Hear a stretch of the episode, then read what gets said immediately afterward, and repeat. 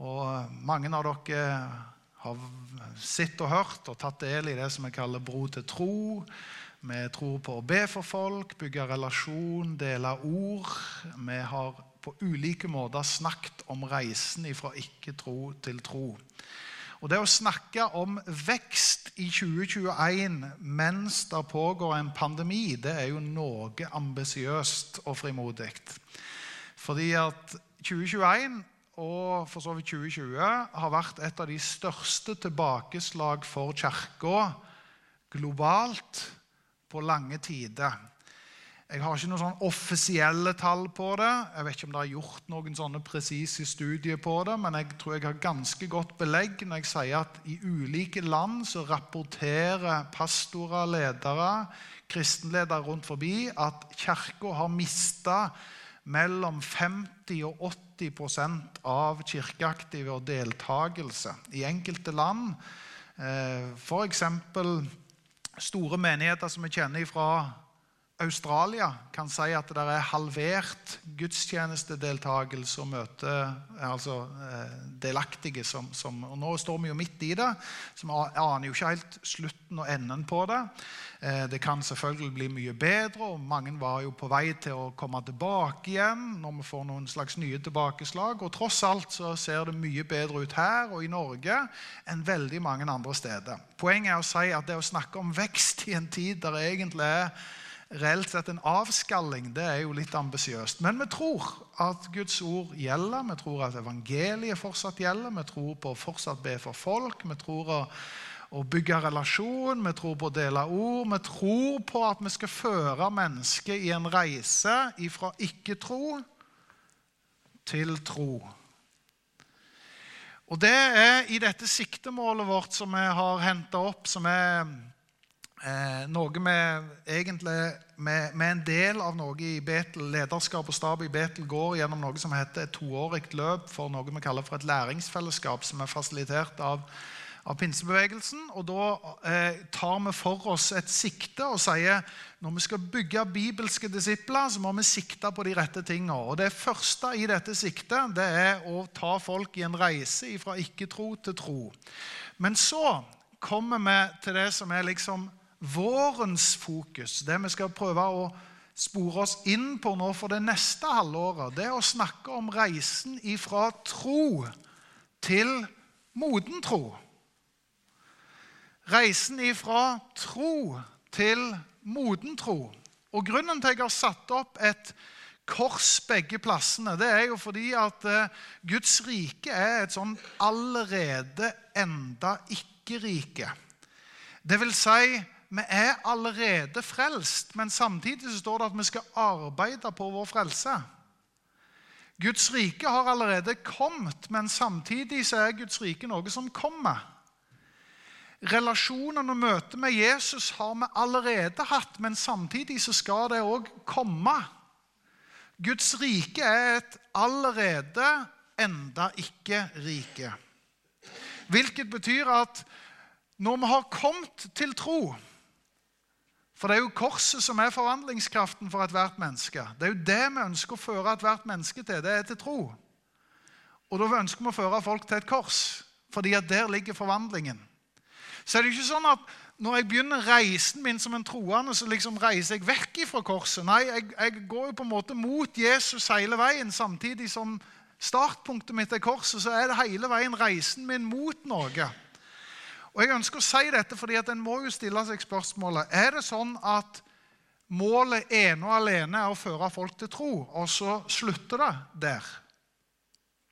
Jeg tror at den bibelske målet vi må ha for trosreisen, det er ikke bare å lede folk til tro, men å føre folk til moden tro. Og Da lener jeg meg på det som Paulus sier til kolosserne i kapittel 1 vers 25. Jeg har blitt en tjener for Kirken i kraft av det forvalteroppgaven Gud har gitt meg hos dere, og det å fullføre tjenesten med Guds, eh, med Guds ord, det mysteriet som har vært skjult gjennom alle tider og for alle slekter, men som nå har blitt åpenbart for Hans hellige. Gud vil kunngjøre for dem som er eh, dem hvor rikt og herlig dette mysteriet er for folkeslaget. Og hør hva det er. Det er Kristus blant dere, håpet om herlighet. Og så er det han vi forkynner, og vi rettleder og underviser alle mennesker i denne fulle visdom. Og så kommer det For å For å hva? Jo, for å føre hvert menneske fram til modenhet i Kristus. For å nå dette målet arbeider og kjemper jeg i hans kraft, den som virker i meg med styrke. Hva er det Paulus sier? Han sier målet folkens, er ikke bare å føre folk fram til tro. Da kunne vi jo reist hjem til himmelen i det øyeblikket vi tar imot Jesus. Men målet er at enhver troende skal få lov å være på en reise som går mot større modenhet. Derfor vil jeg si at den store ambisjonen, målen, bønnen, drømmen jeg har for Betel, for mitt eget liv, inn i et nytt år, det er at jeg kan få lov å modnes i Kristus. Og modnes i tro. Det er ulike begrep på dette i Bibelen. Det står f.eks. at Kristus vinner skikkelse i dere. Det er jo en god definisjon. Hva er det som skjer når vi modnes i troen? Jeg tror personlig at det skjer, det er et aldri så lite kinderegg. For det første så blir Gud æra når vi modnes i troen. For det andre så blir jeg et mer harmonisk menneske. Jeg får det bedre med meg sjøl. Og for det tredje så gjør jeg verden til et bedre sted. Jeg tør nesten å påstå at veldig mange av mine og dine utfordringer i livet det er fordi at det er umodenhet i troen. Åndelig umodenhet det fører oss i trøbbel. Både på det personlige plan og verden. Mange av utfordringene i verden det handler om at det er åndelig umodenhet. Hvis jeg skal tolke det over en, hvis Jesus sine karaktertrekk levde i meg og i myndigheter og i nasjonen, er vi ikke enige i at verden ville blitt et, vært et litt bedre sted? Det hadde vært litt mindre utfordringer hvis modenhet i Kristus, eller modenhet i tro, var en realitet. Det vil si at det er en løsning for meg, for Guds menighet, for en verden, det er å modnes i tro. Da blir verden et bedre sted. Jeg får det bedre, og Gud blir æra. Derfor syns jeg det er en flott ambisjon innenfor 2022 å si Jesus, måtte jeg modnes i troen. Måtte du vinne skikkelse i meg.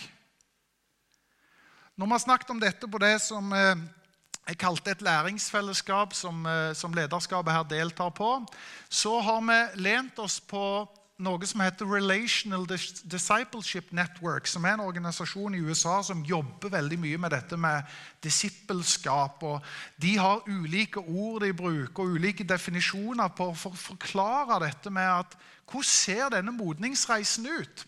Og nå tenkte jeg litt sånn på gøy, så skal jeg referere til det. Og så, og så skal vi karikere og gi noen eksempler på ulike stadier i modenhet i tro.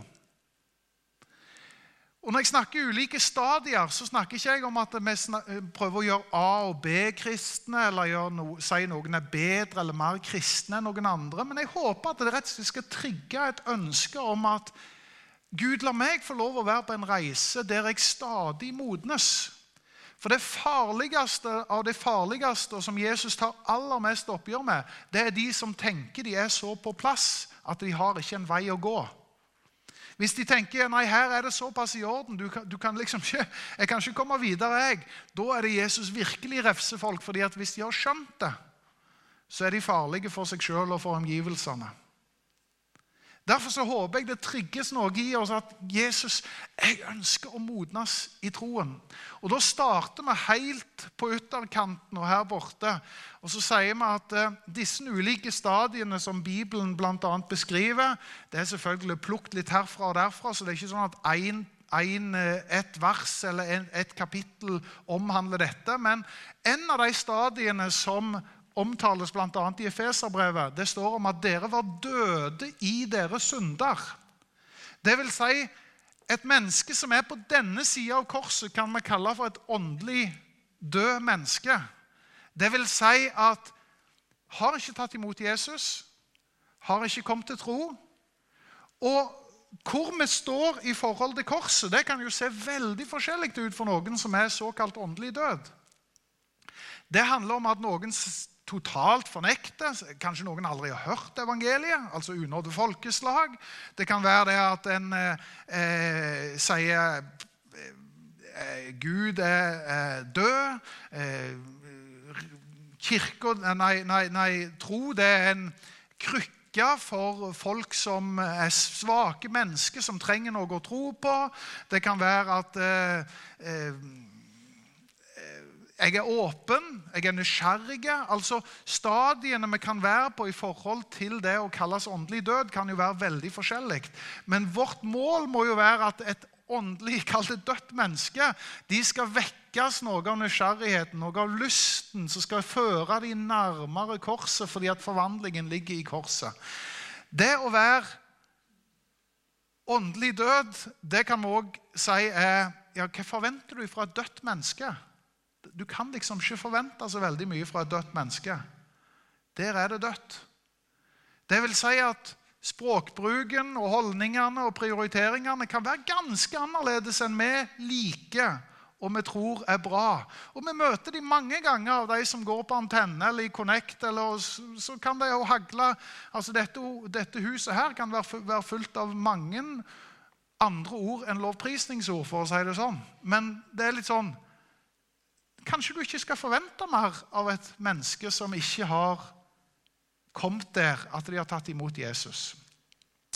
Men så er det heldigvis et nytt stadie, og det er jo her det skjer en forvandling. Og det er jo at når det er en fødsel, når det er noen som er nyfødt, da er de nye i troen. Og dette babystadiet det omtales bl.a. i Hebreerbrevet kapittel 5 og vers 12-14, eh, så står det om å være åndelige spedbarn. Og Hvis vi skal ta det positivt, fordi at der står det med litt brodd og litt sånne ting Dere trenger fast føde osv. Men hvis du skal ta det positivt, så er jo noe av det kjekkeste i livet det å få baby. For en rikdom, for en gave. Tenk det at nye mennesker ser dagens lys. Sånn må vi òg tenke at når nye mennesker kommer til tro, enten de er 5 år, 10 år, 15 år eller fullvoksne i alder, så starter alle på et åndelig babystadie. Hva trenger en baby? De trenger omsorg, de trenger eh, oppfølging, de trenger noen som er der og kan svare på spørsmål, de trenger noen som kan veilede dem. De trenger rett og slett å få melk. De trenger å få inn noe som gjør at de får næring. Men det som kjennetegner en baby, og det kjenner vi jo alle til, det er at de er ekstremt selvopptatt. Verden grenser seg av meg og mine behov, og det handler om å møte de. Og Dessverre så er det sånn at noen ender opp med, selv om de har vært kristne hele livet, så er de på et åndelig babystadie. Og det er jo fryktelig tragisk, egentlig. Hvis livet handles bare om meg og mine. Og nå skal vi på en litt sånn med glimt i øya så skal jeg prøve å få noen sånne standardutsagn som kan komme ifra et eh, menneske som er på et åndelig babystadie. Jeg går i kirka kun når jeg føler for det, og hvis jeg tror det gir meg noe.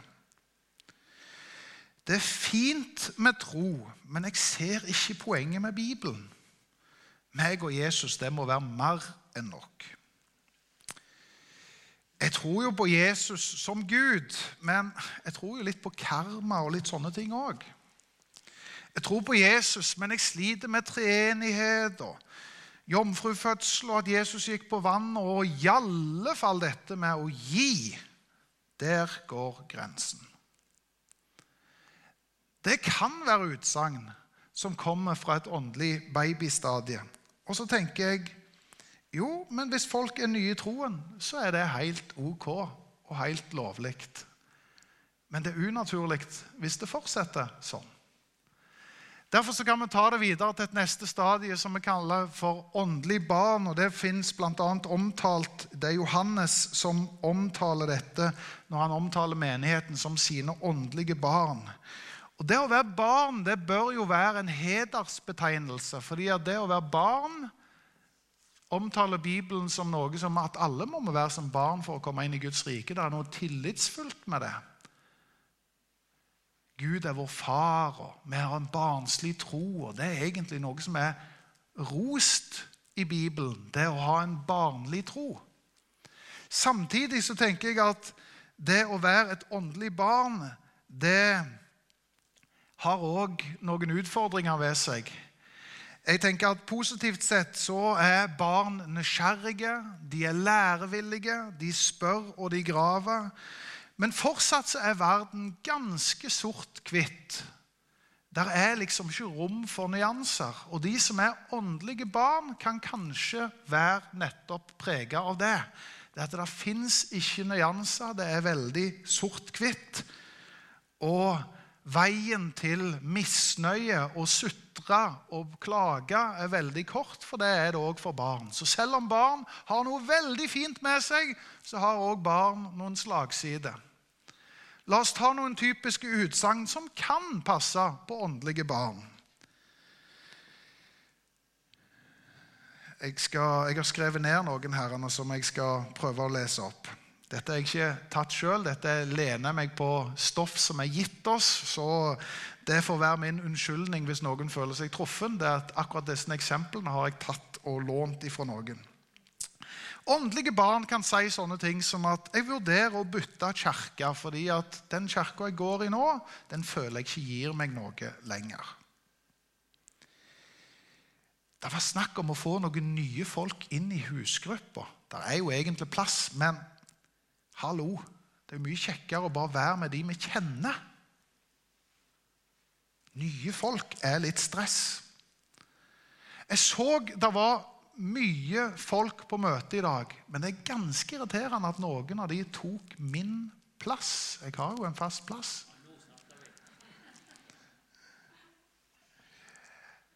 Oh, Der synges nye sanger i menigheten. Jeg liker egentlig best de gamle. Kan vi ikke bare være der? Det er jo koselig med nye folk i kirka, men det er, ja, det er iallfall ikke mitt ansvar å hilse på og inkludere nye folk. Jeg mener, Det for noen andre ta seg av, for det, det er ikke min greie. altså. Du, I dag var jeg tror jeg vil si, terningkast tre på gudstjenesten. Lovsangen var bob-bob. Talen var under middels. Ikke det beste jeg har vært med på. Jeg sa egentlig ja til å hjelpe i barnearbeidet, men jeg har fått så utrolig lite ros og klapp på skuldrene for det jeg gjorde. Så det gidder jeg ikke lenger. Åndelige barn.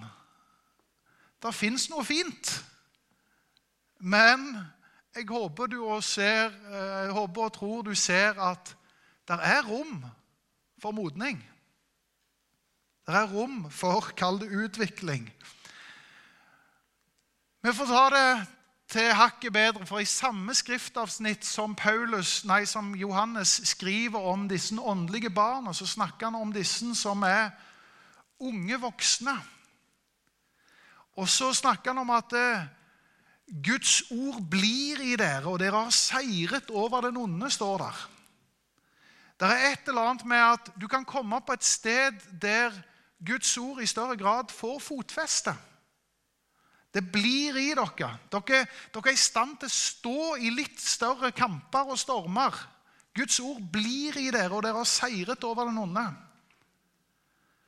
Og det å være en åndelig, kall det ung voksen, der tror jeg at eh, endringen har gått ifra meg og sentrumet av universet og alt dreier seg om meg, til at jeg i større grad er på en åndelig kanal av hva er Guds sak, og hva er Guds vilje. Jeg er mer opptatt kanskje av å gi enn av å få. Kanskje mer opptatt av å tjene ut ifra kjærlighet enn ut ifra anerkjennelse, klapp på skulder og ros. Og nå har jeg gjort noen andre en tjeneste? Nei, jeg har gjort Gud en tjeneste. Det er stor forskjell på å forholde seg til folk som føler at ja, nå gjør jeg pastoren en tjeneste, eller nå er jeg med og tjener Gud. Og Det har bl.a. med åndelig modenhet å gjøre. Typisk som du kan få høre fra disse som kan kalles en åndelig ung voksen, det er jeg kom over noe veldig fint i Bibelen. Og så deler en kanskje det. Så, men det var noe jeg ikke forsto, og da har jeg tenkt å spørre og grave litt. Jeg skal studere litt og finne litt ut av det. Jeg skal spørre meg fram til hva kan være et godt svar på dette. Jeg vurderer å dra på misjonstur. Eller Å, jeg elsker lovsang.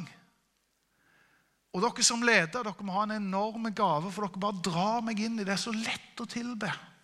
Og jeg kjenner det er godt å være i Guds nærvær. Eller vet du hva, jeg fikk lov å oppleve å dele evangeliet med noen. Jeg fikk lov å dele vitnesbyrdet mitt. Det var en nydelig opplevelse. Eller jeg fikk lov å be med noen.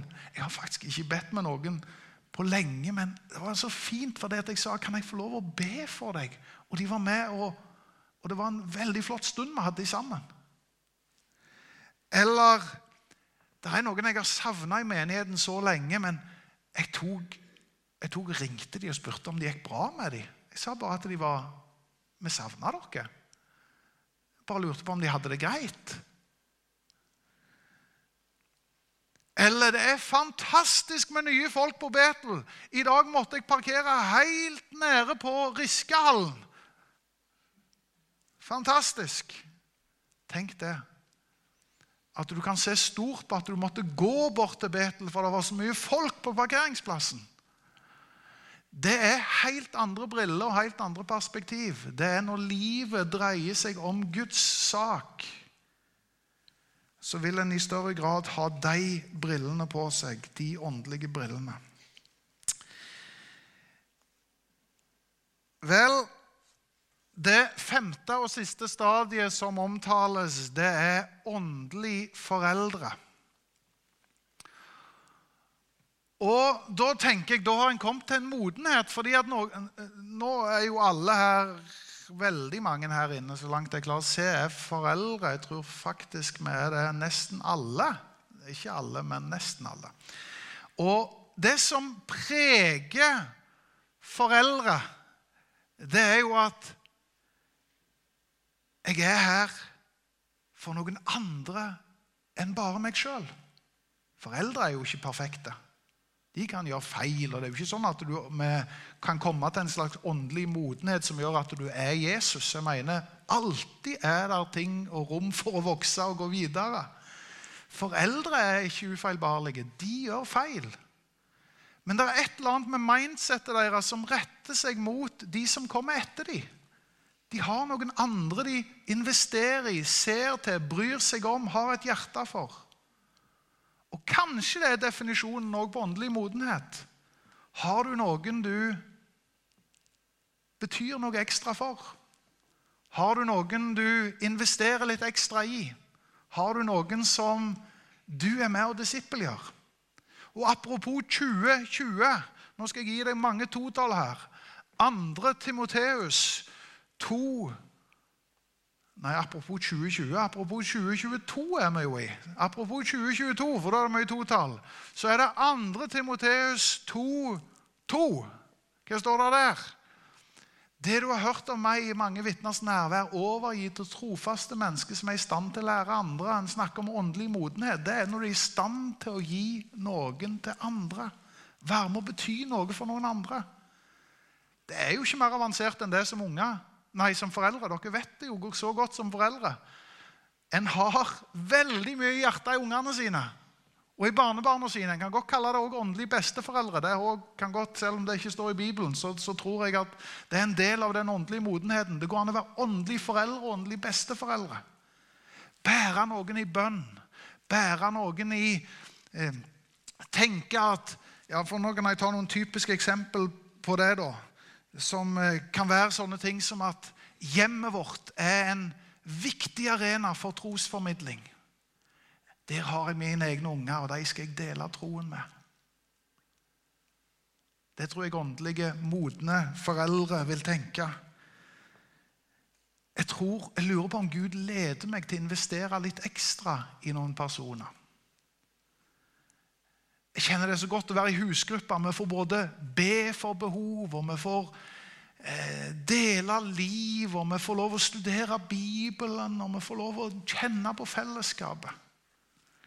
Jeg tror åndelige modne de kan si noe om at jeg er stolt over troen min. Jeg vet ikke alltid hva jeg skal si på jobben osv. Men jeg bærer en sånn rakryggethet som gjør at jeg går inn i hverdagen, enten det er jobb eller nabolag eller familieselskap eller hva det måtte være, og så bare vet jeg at jeg vet at troen er noe som bærer meg, og den stolt står jeg opp for uansett hvor jeg er. Noen som er åndelig modne, tror jeg møter livet med den tanken om at jeg vil være et Jesu eksempel i ord og holdning og handling uansett hvor jeg er. Om jeg er i nabolaget eller på arbeidsplassen, så er jeg Jesus sin representant. Poenget er jo å si noe folkens, om at troens reise det er en modenhetsreise. Reisen ifra tro til moden tro. Og den tror jeg vi alle kan være på med en innstilling av at ta meg lenger, ta meg videre, Gud. La meg bli mer forankra og mer stødige i troen. Og da avslutter jeg med Jesus sin invitasjon til etterfølgelse og disippelskap, der han sier Følg meg. Og det ligger jo på et hodenivå, på en viljesbeslutning. Du må bestemme deg. Følg meg. Det er en invitasjon. Vil du følge Jesus? Ja. Viljen. Jeg bestemmer meg. Så vil jeg gjøre dere til Det er noe Gud er med å forme. Det formingsarbeidet det er at vi lar Gud få lov å forme våre hjerter. Da blir ikke disippelskapet bare noe som ligger i hodet, men det blir noe som former hjertene. Så vil jeg gjøre dere. Og til menneskefiskere. Det handler jo om hendene. Det vil handle om å bety noe for folk rundt deg. Og en moden etterfølger av Jesus, den lar troen få påvirke både hodet, hjertet og hendene.